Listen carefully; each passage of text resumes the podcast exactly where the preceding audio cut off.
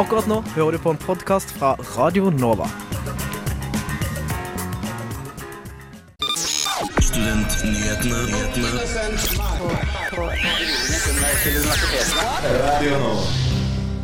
Hjertelig velkommen til uh, Ukas studentnyheter. Mitt navn er Johanne Sump Startvedt. Og mitt navn er Elise Kubra.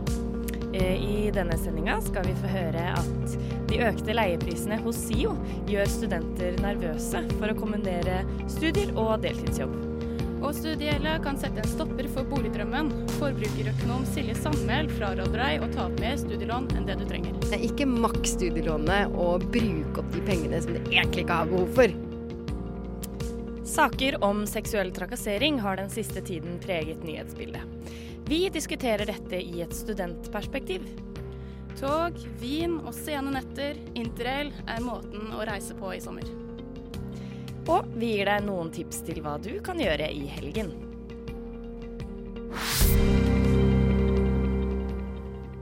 Først skal vi ha ukas nyhetsoppdatering.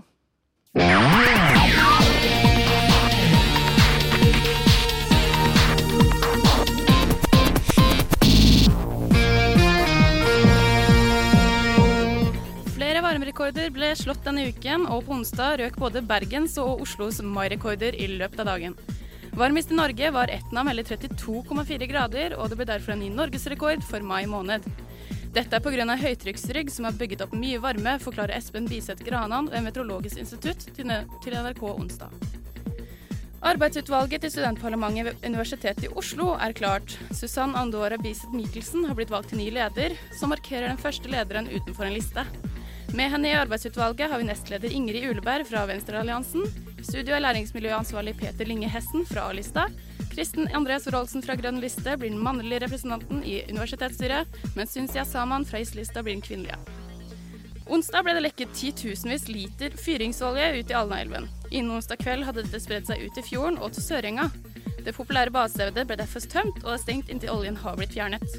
Arbeidet med skadebegrensningen av utslippet er i full gang, og politiet har startet etterforskning av saken, sier NRK onsdag. For første gang har det blitt påvist at høye temperaturer kan påvirke eksamensresultater. Det viser seg at allerede ved temperaturer over 21 grader påvirker resultatene. Det er forskere ved Harvard, UCLA og Georgia som har gjennomført studien. Varmen kan føre til at studentene blir mer distraherte, opphiste og får konsentrasjonsvansker, sier Joshua Goodman fra Harvard.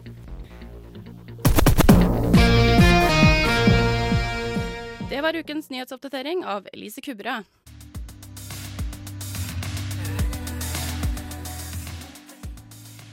Camp Candle med Save Me her på Radio Nova. SIO øker nå leieprisene på studentboliger, og dette gjør at flere studenter føler seg tvunget ut i deltidsstillinger ved siden av studiene sine. Selv om studiestøtten til høsten øker, vil det for de hardest utsatte være igjen ca. 300 kroner i uka å leve på. Vi har med oss politikk- og medieansvarlig i Velferdstinget, Linn Skyum. Velkommen. Hei, hei. Eh, hva tenker dere om at SIO nå øker leieprisene sine? Eh, I utgangspunktet så er jo en økning i pris for studentene en dårlig ting. Eh, men det er fremdeles et vanskelig spørsmål, for man må se på hva man får igjen. Eh, F.eks. på Kringsjå så får man nå igjen en massiv oppgradering av fellesarealene og utearealene. Og det vil jo øke kvaliteten for de som bor der. Mm. så man må selvfølgelig se på hva man får igjen, men en ren prisøkning som en prisjustering, det er jo selvfølgelig synd for studentene når, når studielånet ikke øker i samme takt. Nei, fordi eh, studielånet fra eh, Lånekassa økes jo til over 8000 kroner til høsten. Eh, og flere har sikkert gledet seg til å ha litt mer eh, å rutte med i måneden, men økninga av husleia eh, blir rundt det samme beløpet som man da sitter igjen med. Eh, burde SIO egentlig følge den markedsverdien, og, eller burde de tenke på hva studentene faktisk har råd til? Eh, Når man ser på markedsprisen for leiligheter i Oslo, så ligger jo SIO tydelig under den gjennomsnittsprisen uansett. Mm. Og sånn sett så ser de jo på hva studentene har råd til. Eh, Men igjen, vi i Velferdstinget har pris som kanskje det tydeligste budskapet. Og da må man prøve å følge det, da. Selv om det er bedre å bo der. Eh, nei, altså igjen, det, det kommer jo an på hva du får tilbake for det. Absolutt. Eh, men det er jo en vurdering vi og SIO-styret må gjøre hver gang de velger å øke prisen. Mm. Det er på en måte en Ja, man må ta den avveiningen hver gang. Og nå har de valgt å ta den avveiningen. Eh, og da må vi se på resultatene av det før vi Sier noe. Nei. Vi kan absolutt si, si at pris er, pris er, det viktigste. Ja. Eh, men eh, når man ser på planene for Kringsjå spesielt, så ser man at da der har det kanskje vært det, mens andre steder så kan man kanskje si at man kunne prøvd å unngå det. Mm. Hva med alle de andre stedene som på en måte eh, er litt eldre, f.eks. Sogn studentby? Eh, hva tenker du om det, Elise? Har din eh, bo boligpris økt? Ja, altså boligprisen min har økt med over 200 kroner Mm. eh, fra og med neste semester. Eh, og den har jo egentlig økt med det samme antallet hvert år jeg har bodd der, og jeg har bodd der nå nærmere tre-fire år. Og jeg merker jo at eh, Lånekassa gir jo ikke akkurat så veldig stort uh, bevegelsesrom for å betale mer og mer, og, og det å gå privat er jo heller ikke en mulighet. For du bor på Sogn. Ja, jeg bor på Sogn. Mm. Og jeg føler ikke at de har egentlig brukt de pengene jeg betaler ekstra på noe ekstra for oss som bor på Sogn. Det Mm. her er penger som har forsvunnet til andre steder. Hva tenker du om det, Linn? Ja, nei, det er akkurat det Elise sier nå, er jo et, det problemet vi ser. At det er ikke engang noe alternativ å gå privat, fordi det er enda dyrere. Og da ser man at ja, det er eh, Man SIO har valgt å øke med prisvekst hvert år, men problemet er veldig veldig mye større enn det. Eh, det handler om at studentene ikke har råd til å egentlig bo noe sted uten å jobbe. Og da ser vi på et massivt samfunn, samfunnsproblem som hele studentbevegelsen jobber med, men det går dessverre altfor, altfor sakte. Mm. Men jeg føler jo at kanskje der at SIO burde egentlig slå et slag for studentene. At de burde tilby bedre boligpriser, slik at vi faktisk har råd til å ikke være i deltidsjobb. Hva tror du om det, Linn? Jeg er helt, helt enig. Eh, jeg sitter ikke her for SIO, så jeg skal ikke prate for styret og hvorfor de har vedtatt dette. Eh, men jeg, synes, jeg, jeg og Velferdstinget er helt enig i at det burde være det styrende prinsippet. Mm. Det skal også sies at eh, SIO ikke ville kommentere denne saken. Eh, det var vi, det vi rakk for i dag. Tusen takk for at du kunne komme til oss, politikk- og medieansvarlig i Velferdstinget, Linn Skyum. Du lytter til Radio Nova. Mange studerer lenge og endrer kanskje retning eh, to-tre ganger før de endrer, eh, ender på riktig sted. Men visste du at studiegjelda kan begrense mulighetene dine når du skal kjøpe bolig? Forbrukerøkonom Silje Sandmæl i DNB mener det er disse tingene du bør tenke på for å oppfylle boligdrømmen. skal kjøpe deg bolig, så ser jo banken etter tre ting. Det ene er jo en inntekt, så du må jo ha en jobb. Eh, og så er det jo selvfølgelig at du også må ha oppspart en del penger. Fordi det er jo krav om 15 eh, egenkapital. Ellers må du få hjelp av eh, mamma og pappa. Eh, og så det siste, da, som veldig mange ikke tenker over, er jo at du må ha et eh, hva skal jeg si, et plettfritt økonomisk rulleblad. Og med det mener jeg at du kan ikke ha en betalingsanmerkning, f.eks. Så har du ikke betalt mobilregninga, da, eh, og fått en betalingsanmerkning, så kan faktisk det stoppe at du får et eh, boliglån. Så da må du ordne opp i det før du, før du kan låne penger. Mange studerer jo og studerer, og så ombestemmer det seg, og så og så får jo noen mer lån enn andre, da, ikke sant. Eh, hvordan påvirker studiegjelda di eh, det å få seg boliglån? Det er veldig mange som ikke tenker over det. Fordi eh, all gjeld som du har, om det er studielån eller kredittkort, forbrukslån, eh, andre typer lån, billån, så blir jo det trukket fra. Så det gjør jo at du får mye mindre i boliglån. Så det er jo noe man eh, absolutt eh, bør tenke på, da. At det, er ikke sånn at eh, OK, ja, maks eh, maks eh, studielånet. Eh, det kan være lurt hvis ikke du trenger det for at du skal putte det i BSU f.eks. Men eh, ikke maks studielånet og bruke opp de pengene som du egentlig ikke har behov for. Fordi det kan, kan være veldig dumt da den dagen du skal inn i boligmarkedet. Altså nå har jo det blitt veldig strengt å få lån, og det er veldig, veldig bra. Fordi noen må jo passe på oss så ikke vi låner over evne. Så, så det er sånn at eh, banken ser jo på at du har en inntekt, og så, og så ganger de da den med fem og ser hvor mye du kan få i lån. Men har du da et studielån, så blir det trukket fra. Så du får altså da mindre i boliglån enn, enn du ville hatt eh, hvis, hvis du var helt gjeldfri. Mm. Eh, er det noe mer man må tenke på? Som ikke har vært borti det? Nei, altså jeg tenker jo som ung, da, så, så er det uh, veldig Som sagt mye du må tenke på den da Altså mye før den dagen du skal kjøpe bolig. Så det er derfor jeg er så veldig opptatt av å fortelle allerede tenåringer at vet du hva, spar da de konfirmasjonspengene dine til boligdrømmen. Fordi du trenger flere hundre tusen oppspart hvis ikke du har foreldre som hjelper deg. Så du er nødt til å starte tidlig da, på den veien til uh, boligdrømmen. Så det å, det å spare er jo ekstremt viktig. Selv om det sikkert er kjempekjedelig, så er det veldig, veldig viktig. Du har jo ikke lyst til å bo på gutterommet resten av livet. Har jo ikke det. Hva er det liksom det aller beste du kan gjøre, da? Optimale valget? Ja, altså eh, Jeg får veldig ofte spørsmål, da, eh, som jeg var inne på. At eh, OK, Silje, jeg trenger jo ikke å ta opp så mye studielån. Men, men bør jeg gjøre det? Fordi det er, jo, sant, det er jo et lån uten rente mens du studerer. Det er jo ekstremt bra, og det er lav rente. Så det er det jeg sier at hvis, hvis ikke du trenger å ta opp så mye studielån, så kan du godt makse. Men da må du putte de penga på BSU, f.eks. For eksempel. Fordi BSU har jo en høyere rente enn det du må betale i studielånet når rentene begynner å løpe. Så på den måten så kan det være lurt. Men igjen, du må ikke bli fristet til å bruke opp disse pengene. Fordi da, da kaster du penger ut av vinduet. Der hørte du forbrukerøkonom Silje Sandmæl. Føler du at du er på villspor? DNB lanserte nylig en karriereveileder som kanskje kan gi deg noen nye ideer. Reporter i saken var Marius Stenberg.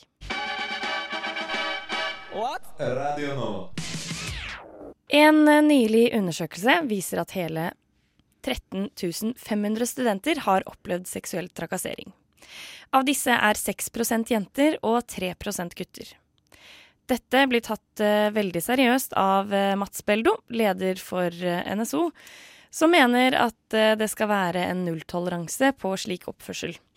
Og han mener at universitetene og høyskolene må være flinkere på å gjøre et eksempel ut av de som har blitt tatt i å holde på slik. en av dem som har blitt tatt, er jo Nils Rune Langeland, som var gjesteforleser på Universitetet i Oslo. Eh, han har jo nylig blitt anklaget for nettopp slik oppførsel, og skal angivelig ha spurt studentene om han kunne kjøpe trusene deres, om de liker rimming. Dog på Universitetet i Oslo kan studenter varsle om slik eh, oppførsel til Sifra-systemet hvis de blir eh, utsatt for seksuell trakassering. Men det meldes at mange ikke vil ta prosessen videre, som da kan føre til store mørketall. I dag har Universitetet i Oslo et seminar om trakassering, men eh, vi i Radio Nova fikk dessverre ikke delta på dette arrangementet. Eh, Elise, tror du det er mange studenter som ikke melder fra om trakassering? Ja, jeg tror faktisk det. Jeg mener at eh, kanskje mange ikke føler at de står så sterkt, og jeg, kanskje folk mener at det kan skape problemer senere i utdannelsen sin. Kanskje det er noe som kan påvirke at de ikke sier ifra, eller i hvert fall ikke tar det med videre, da. Mm. Mm. Og så er det kanskje litt sånn at, uh, at man tenker at nei, det var ikke noe. Det var jo bare Det var bare uskyldig flørting og sånn som mange har prøvd å liksom skygge det over med, da. Ja, mange, mange kan tro kanskje at de får en uh, kommentar, og at uh, 'å nei, jeg kanskje forsto det feil'. Ja, eller, kanskje det var min feil. Ja. Men jeg mener i hvert fall når det pågår over lengre tid, og at det er flere studenter som er involvert, eller er professorer, forelesere, hvem som mm. helst, som er på universitetet. Altså det, det må tas opp. Og i hvert fall hvis det skjer gjentatte ganger, så må det komme inn i en statistikk, da. Ja.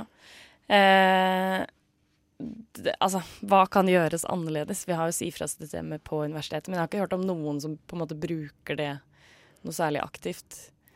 Nei, altså jeg tenker at eh, jeg har jo gått på universitetet tidligere selv. Eh, vi hadde brukt eh, Sifra-systemet om en foreleser, men det her mm. var jo ikke i forhold til seksuell trakassering, da. Men uh, da fikk vi egentlig ikke noe god tilbakemelding på hvordan prosessen hadde gått. Mm. Så kanskje det kunne blitt endret, at man får bedre oppfølging, og at uh, man uh, får tilbakemelding da, på at det er mottatt, og at det blir faktisk tatt med videre. Ved seminaret som avholdes i dag, møtes Likestillings- og diskrimineringsombudet, Universitetet i Oslo og flere studentrepresentanter for å diskutere hva de kan gjøre bedre. What, what, what? Radio Nova er best. Alle andre er tapere. Radio Nova. Mm. eh, Johanne, Ja. Har du noen gang eh, vært på interrail, eller? Ja, det har jeg faktisk. Eh, jeg tror det er fire år sia. Da kjørte vi med tog gjennom liksom hele kysten av Europa.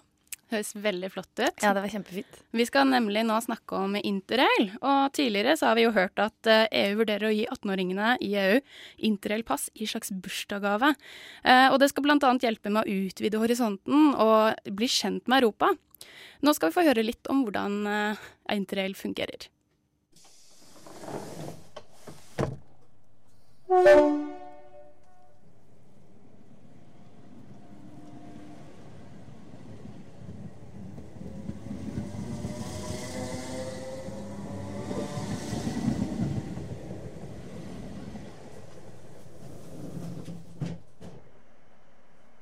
Jeg har akkurat forlatt de travle gatene i Paris og skal mot sørøst og hjemlandet til pasta carbonara. I vesken har jeg med meg litt makroner til reisen, og en god bok jeg fant på en liten loppis i Amsterdam. Utenfor vinduet brer landskapet seg ut. Jeg har fått sett masse forskjellig på denne reisen. Grønne sletter, blomsteråkre, havet som slår inn mot en åpen strand. Snart så vil vi passere Dijon, inn mot Sveits sine majestetiske fjell og daler. Jeg gleder meg til enda en kulturell opplevelse.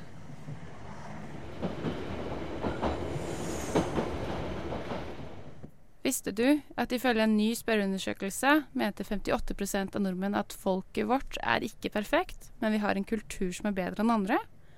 Dette kommer frem i en undersøkelse av Pew Research Center på NRK sist onsdag. Kanskje er det på tide å utvide horisonten litt?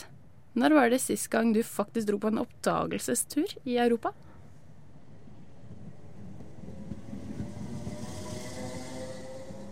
Tog er kanskje den beste måten å reise mellom flere land.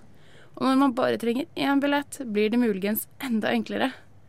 På mange måter kan interrail-samarbeidet bli sett på som et fredsprosjekt. For når man får muligheten til å dra til andre land, oppdage deres kultur og spise lokal mat, ja, da skal det ikke så veldig mye mer til for å være glad. Bare se for deg. En dag med croissant og vinsmaking i Frankrike. En annen med opera og pasta i Roma. Og hvorfor ikke runde av litt med litt øyhopping i Hellas? Høres ikke dette ut som en god ferie?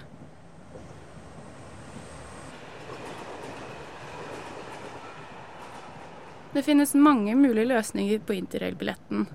Man kan velge Flexi, som gir deg mulighet til å reise når det passer i en periode. Og man kan velge mellom et globalt pass for hele Europa, eller kun reise innenfor ett land. På noen strekninger kan det lønne seg å betale for setereservasjon, og noen togselskaper har kvoter for interrailere. Så husk å lese deg opp på de landene og strekningene du skal ta. Men det beste du er ungdom til og med 28 år. God tur, da! Og ikke glem å merke bildene dine med hashtag 'opplev Europa'. Ja, kjenner at det kribler litt i reisefoten nå. Kanskje jeg skal sjekke ut dette denne sommeren også. Vår reporter i saken var Elise Kubberød.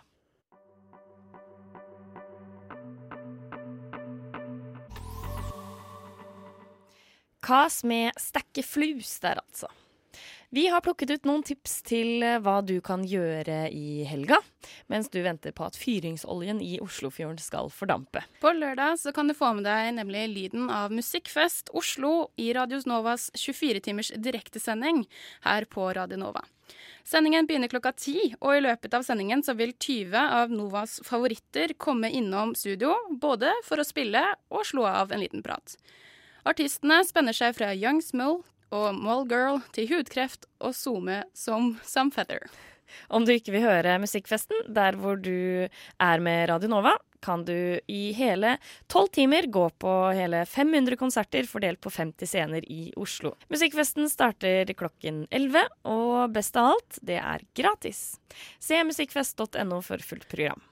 Deichmanske hovedbibliotek inviterer til samtale med den kri kritikerroste tyrkiske forfatteren og engasjerte politiske kommentatoren Eilif Shaf Shafak.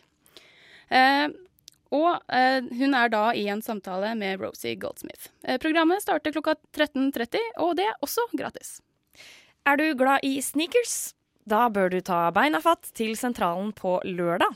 Der avholdes Oslo Sneakerfest, som kan skilte med en helt, eh, hel mengde sko, mat og drikke, og afterparty med Chris Stallion og Patsky Love.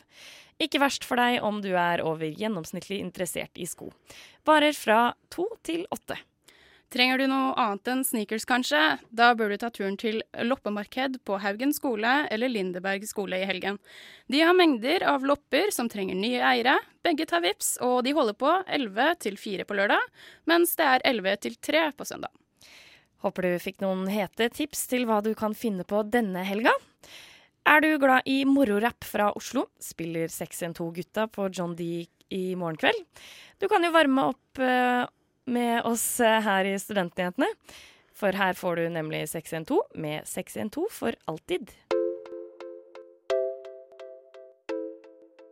Hjertelig velkommen til Studentnyhetene og studentpolitikermøte. Johan Hertzberg, leder for eh, Fremskrittslisten. Tusen takk for det. Og vi har også med oss Astrid Gjelsvik fra Venstrealliansen. Velkommen. Tusen takk. Eh, det er jo eksamenstid. Hvordan går det med dere? Jo, eller jeg hadde siste eksamen i går. Eh, Hadde gleden av å ha en eh, seks timers eh, skriftlig eksamen. Og Såpass, ja. Jeg så jo på yr.no at det i går skulle være sånn all time high. da, 31 plussgrader. Da skulle jeg sitte inne og ha eksamen. Men nå er det unna, unna ferdig med det, så det er jeg glad for. Og til alle de som sitter med eksamen nå, jeg føler med dere. Så deilig at du er ferdig, da, i hvert fall. Jo, det er veldig, veldig deilig. Så nå er jeg ett steg nærmere å bli ferdig med, ferdig med graden. Det er eh, ganske deilig, men også litt skummelt, for nå begynner jo snart voksenlivet å kicke inn. Og nå kommer jo snart tanken hva skal jeg gjøre etter studiet? Mm. Hvor skal man begynne å jobbe og alle de problemene der? Men eh, nå er det sommerferie. Den bekymringen den tar jeg senere. Hva kjenner du, Astrid? Er du stressa? Eh, eksamen eh, og sånn. Mm. Eh, jeg, er her, jeg er halvveis nå, cirka. Eh, ferdig 14. juni, så det er litt sånn fortsatt litt sånn det, er, er liksom, det begynner å bli litt tungt, på en måte, Mm. eh, å sette seg ned og øve. For det er så fint eh, å være ute. Men eh, Jeg kjenner igjen Eh, veldig godt det, for det var meg ja. i fjor. Da hadde Ja. jeg muntlig 14. juni, og så satt alle ute i sola og koste seg. Det ja. ja. er trist. Fordi du studerer juss, eh, Johan. Men hva studerer du? eh, jeg studerer fysikk. Ja. Så du har eh, flere eksamener, eller hvordan, hvorfor har du det? Um, eller jeg har tatt uh, Jeg uh, var litt dum uh, i år og tok fire emner. eller hadde egentlig tenkt å bare ta tre. eh, og så eh, skulle jeg liksom velge bort et av de jeg liksom meldte meg på på starten. Og så klarte Mm. jeg ikke å velge bort noen. Uh, så da ble det fire, så nå sitter jeg her, på en Ja. måte. Uh, men nå, er, ja, nå er jeg halvveis, da.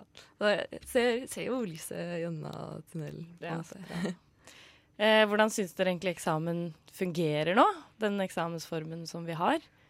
Jo, eller man kan jo kritisere eksamensformen eh, for eh, ganske mye.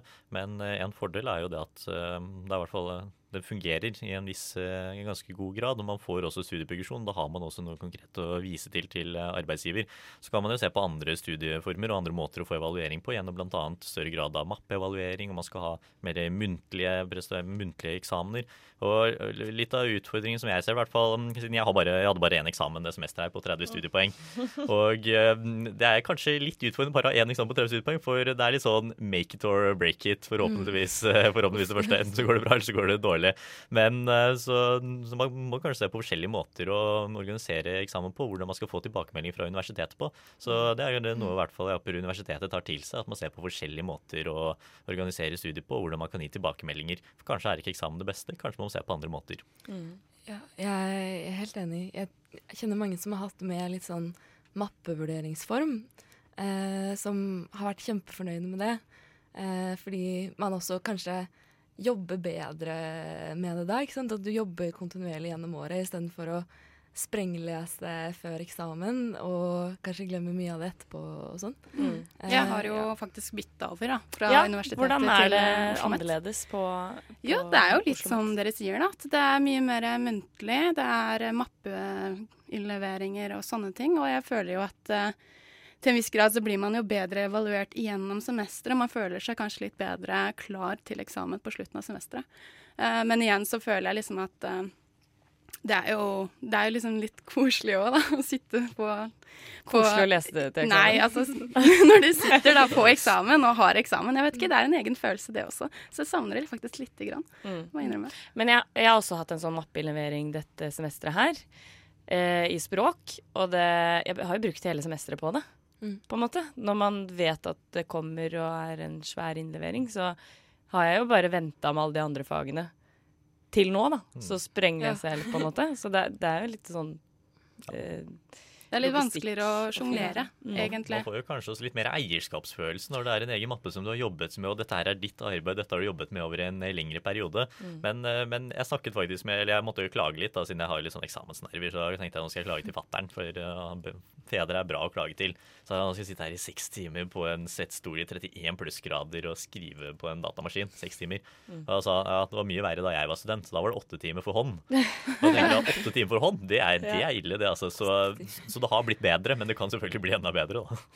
Ja, hva syns dere om den nye digitale formen for eksamen? da? Har noen av dere prøvd det? Inspira, tenker du? Eller? Ja, eller eh, på skole, liksom skoleeksamen i, ved, gjennom Inspira?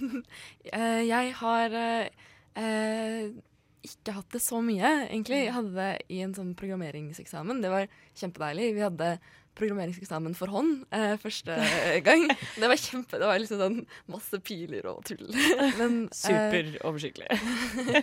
Men eh, på, på, matten at så funker det på en måte bra å kunne skrive for hånd ofte, hvis du sitter og regner og sånn. Ja, det er kanskje litt lettere når det er matte at det er for hånd. Mm. At ikke man må Ja. liksom kåle med alle disse symbolene inni i Word-dokumentet. Ja, formel Ja, det er ja, veldig greit, egentlig. tar kanskje litt kortere tid å skrive på. hånd. Mm. Ja, sånn sett så tar kanskje universitetet litt ansvar for fordelingen av uh, digital eksamen. Ja. På hvilke emner vi har og sånn. Men jeg ja, tror at det er kjempebra at man har digital uh, eksamen uh, når man skal skrive sykt lange tekster. Mm. Jeg skrev i 2014, da jeg begynte å studere. Nå, nå føles det litt lenge ut når jeg møter mange av de nye studentene, men, men da var det siste året hvor i hvert fall jusstudentene skulle skrive for hånd. Og jeg husker det å sitte der i seks timer og skrive for hånd med en kulepenn. Det er, jo- hvis du ikke hadde krampe etter de to første timene, så i hvert fall til tre-fire. Altså, det, det var helt krise. Ja. Så, så det var veldig bra å få gå over til digital eksamen. Det hjalp, eh, hjalp veldig. Men så finner man andre ting å klage på, selvfølgelig. da. Svette stoler og varme saler og den type ting. Også fordi man har de der gjennomslagspapirene, så du må skrive liksom så hardt. Jeg, jeg tror kanskje om eh, 60 år så kan vi snakke med, med, med nye studenter eller barnebarn eller et eller annet. Da vi begynte å studere, da hadde man trippelpapir man måtte skrive og gå igjen på. Det, det var ille, det. Ja, man får jo skrevet mye mer nå som det er på, på PC også. Ja. Føler jeg, i hvert fall. Eh, vi skal snakke mer sammen, vi. Men først skal du høre Eirik Aase og Junker med superkrefter. Litt mer sånn Sånne ting som gjør meg menneskelig.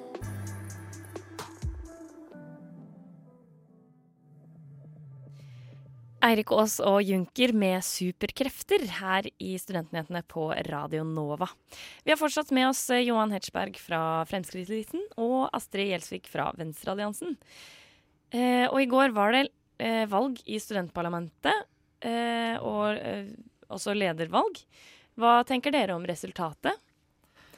Jeg er kjempefornøyd. Jeg tror det blir et uh, veldig veldig fint arbeidsutvalg. Og jeg tror uh, Susann blir en kjempegod leder. Hun har jo erfaring fra sittet et år allerede, eh, og har gjort en kjempebra jobb. Ja, for dere har kanskje litt mer erfaring med henne enn eh, det vi har utad, da. Siden hun Ja. har, har vi sittet i arbeidsutvalget. Mm. Ja. Men hun er ikke fra noe liste. Nei. Hva tenker dere om det? Er, er det noe brudd, tenker dere? Nei, eller jeg tenker ikke at eh, det er noe brudd. og Jeg syns også at hun fremstår som en vanvittig flink eh, dame og en utrolig dyktig politiker. Jeg tror også hun og hele arbeidsutvalget kommer til å gjøre en veldig god innsats for å promotere og fronte studentenes interesser. Mm. Men eh, det er en del utfordringer også, som i hvert fall jeg har pekt på tidligere, som man heller ikke får løst denne gangen. I form av at Parlamentet er jo et rådgivende organ, så man har en del utfordringer der. Men noe jeg oppdager, som i hvert fall jeg har lyst til å ta opp, og det er nettopp arbeidsrettigheter for de som sitter i arbeidsutvalget. For jeg fant at de har ikke arbeidskontrakt, noe man har krav på etter arbeidsmiljøloven. De har ikke krav på å få utbetalt feriepenger. Og de har heller ikke noe krav på å få, um, få en fast arbeidstid som parlamentet. Så jeg tenker at det er veldig stor utfordring også med internt i arbeidsforholdet til uh, arbeidsutvalget. Så jeg håper virkelig at Venstrealliansen kan være med oss på at vi kan eh, øke rettighetene også til de som sitter i arbeidsutvalget. Var dette noe av det du kunne ta opp i går, eller? Nei, I går var det bare valg, og det var ikke anledning til å ta ta problemstillinger rundt nettopp arbeidsforholdene og budsjettet bl.a. Men dette kommer jeg til å ta opp eh, senere. Men det at man har hatt en praksis over flere år hvor de som sitter i arbeidsutvalget nærmest er eh, rettighetsløse, det syns i Mm. hvert fall jeg er feil. Og jeg håper jo at flere kan være med, sånn at vi kan få ordnet opp i det. For selv om man kanskje er uenig i arbeidsutvalget hos den parlamentet, så skal man fortsatt ha arbeidsrettigheter når man gjør en innsats og får lønn. Mm. Er dette en problemstilling dere er kjent med, Astrid? Eh, vi har jo på en måte eh, Ja, absolutt. Jeg har jo inntrykk av at de er veldig overarbeida. Mm. Eh, og eh, ja, det er vanskelig å liksom ta ut overtidsbetaling eh, og sånne ting. Mm. Eh, og det er jo selvfølgelig en, det er jo en veldig spesiell jobb, eh, på en måte, fordi den er jo eh, Den kommer jo fra liksom et veldig sånn ideelt eh, engasjement, på en måte. At man eh, liksom setter av et år av livet sitt til å jobbe for studentene. Det er jo veldig mange som faktisk setter en pause på utdannelsen sin når de gjør det Mm. her. Og jeg tenker at selv om man er engasjert og at man driver med studentpolitikk og, og vil gjerne det beste for studentene, så burde jo i hvert fall rettighetene deres også være på plass. Mm. Det, virker som det er et lite sånn eh, mellomvakuum der. At det er jo frivillig arbeid til en viss grad, eller sånn som det virker, da. Engasjementet er veldig viktig, men så likevel så eh, får de jo betalt. Ja, og jeg tror at dette her er jo ikke bare studentparlamentet og arbeidsutvalget som har denne utfordringen. Jeg tror at eh, her ser man utfordring med studenter over hele landet, faktisk, hvor man ser at arbeidsgiver og ideelle organisasjoner og frivillige organisasjoner nærmest ikke, ikke utnytter studentene, da, men at man bruker deres ideal og deres engasjement for at man skal få enda mer enn det man har krav på etter f.eks. det som utbetales i form av lønn. Og eh, studenter er engasjerte, studenter ønsker å bidra, men man må fortsatt eh, ivareta studentenes rettigheter. Ikke bare i arbeidsutvalget, men også innenfor servicebransje og innenfor når det kommer til rådgiverstillinger og deltidsjobber. Mm. Så jeg håper i hvert fall at eh, studentparlamentet kan bli med da, på å øke rettighetene også til i arbeidsutvalget, for sånn det har vært hittil. Det er ikke bra nok. Så du etterlyser egentlig da en generell eh, ja, uttalelse fra arbeidsutvalget og studentparlamentet til å øke bevisstheten om rettighetene studentene har da i deltidsjobber? Ja, eller Her er litt av utfordringen for studentparlamentets arbeidsutvalg. og Studentpolitikere for øvrig har snakket mye om studenters arbeidsrettigheter, og det er viktig. Men det er også viktig at de som uttaler seg om det, må også ha egne arbeidsrettigheter. Og når de ikke har arbeidskontrakt, ikke har fast arbeidstid, ikke får utbetalt feriepenger, Mm. alt dette har man krav på etter arbeidsmiljøloven. Arbeidsmiljøloven må også gjelde for de som driver med studentpolitikk. Så man kan gjerne være uenig i studentparlamentets rolle, men man må i hvert fall ha noen grunnrettigheter til, som ligger til grunn for nettopp de studentene. Så jeg syns det er litt rart egentlig at man ikke har eh, tatt opp det her tidligere. da. Ja, jeg tenker at eh, ja, det er kjempeviktig eh, at ja, man Folk ikke liksom sliter seg helt ut, da, fordi de vil Eller de vil jo på en måte veldig godt, men så tror jeg det er mange som ender opp med å bli litt utbrent når man sitter i sånt arbeidsutvalg, kanskje. Mm. Um, Kanskje lett å bli utnytta også, Mm. da. Om man har veldig lyst. Ja, ikke sant. Eh, men eh, jeg tror at eh, um, Det kan jo hende at en av grunnene til at eh, det ikke har stått på agendaen, på en måte, at man skal eh, sikre bedre arbeidsvilkår for arbeidsutvalget, er at det er, det er såpass presse allerede. Mm. Fordi det er så mange som eh, kritiserer at man i det hele tatt får lønn for å jobbe for studentenes sak. Så det er liksom er, jeg tror det er en vanskelig kamp, men det er kjempeviktig. Mm. Virker det som at det er litt sånn eh, betent å snakke om det? Ja, eller eh, Jeg har ikke hørt eh, noen diskutere og snakke om eh, lønnen til de som sitter i arbeidsutvalget og i parlamentet, før, før vi i Fremskrittslisten tok det opp. Og Da var det ikke måte på hvor, hvor gærne vi var, hvor ytterliggående vi var. Og Jeg husker veldig godt at jeg fikk høre at hvis dere i Fremskrittslisten mener at det å få utbetalt 25 000 i måneden uten arbeidskontrakt, uten feriepenger, er drøyt, jo da er dere langt ute på høyresiden. Da tenkte vi får de ikke utbetalt eh, eller får de ikke arbeidskontrakt, da har de ikke arbeidstid. Hva er det her for noe? Hvordan er det egentlig systemet fungerer? Så jeg tror at man kanskje har vært eh, litt naive tidligere i stemmeparlamentet. Litt naive til den eh, det idealismen man har i, og det pågangsmotet mange studentpolitikere har. Og om det har vært en bevisst, eh, bevisst at man ikke har gitt dem disse rettighetene, det vet jeg ikke. Men noe må gjøres i hvert fall. Men samtidig så tenker jeg eh, Altså sånn Jeg tror jo at folk går inn i det her og vet det på forhånd. Eh, liksom. Det, det burde jo selvfølgelig eh, bli bedre. Det er ikke det, men eh, jeg på en måte Jeg vet ikke om det er der eh, eh, debatten om liksom eh, arbeidsvilkår for studenter Eller jeg, jeg vet ikke om jeg liksom føler at de blir utnytta. For jeg tror alle sammen vet at de Ja, så lenge de veit om det, så er det på en måte greit? eh, nei, det er ikke greit. Nei, det var dessverre det vi rakk for uh, i dag. Men tusen takk for at dere kunne komme. Uh, Johan Hertzberg fra Fremskrittslisten og Astrid Gjelsvik fra Venstrealliansen. Dere får ha god sommer. Tusen takk for det, Takk. i like måte. Lyssna istället till Radio Nova. Og vi er straks ferdig med vårt program for i dag. Eh, følg oss gjerne på sosiale medier på Facebook og Instagram. Og hør oss på podkast der du hører eh, på podkast. I studio var Johannes Johanne Sumstad Artved og Elise Kubberød. Tekniker var eh, Celine Stensrud. Og etter oss kommer satireprogrammet Radiotjenesten.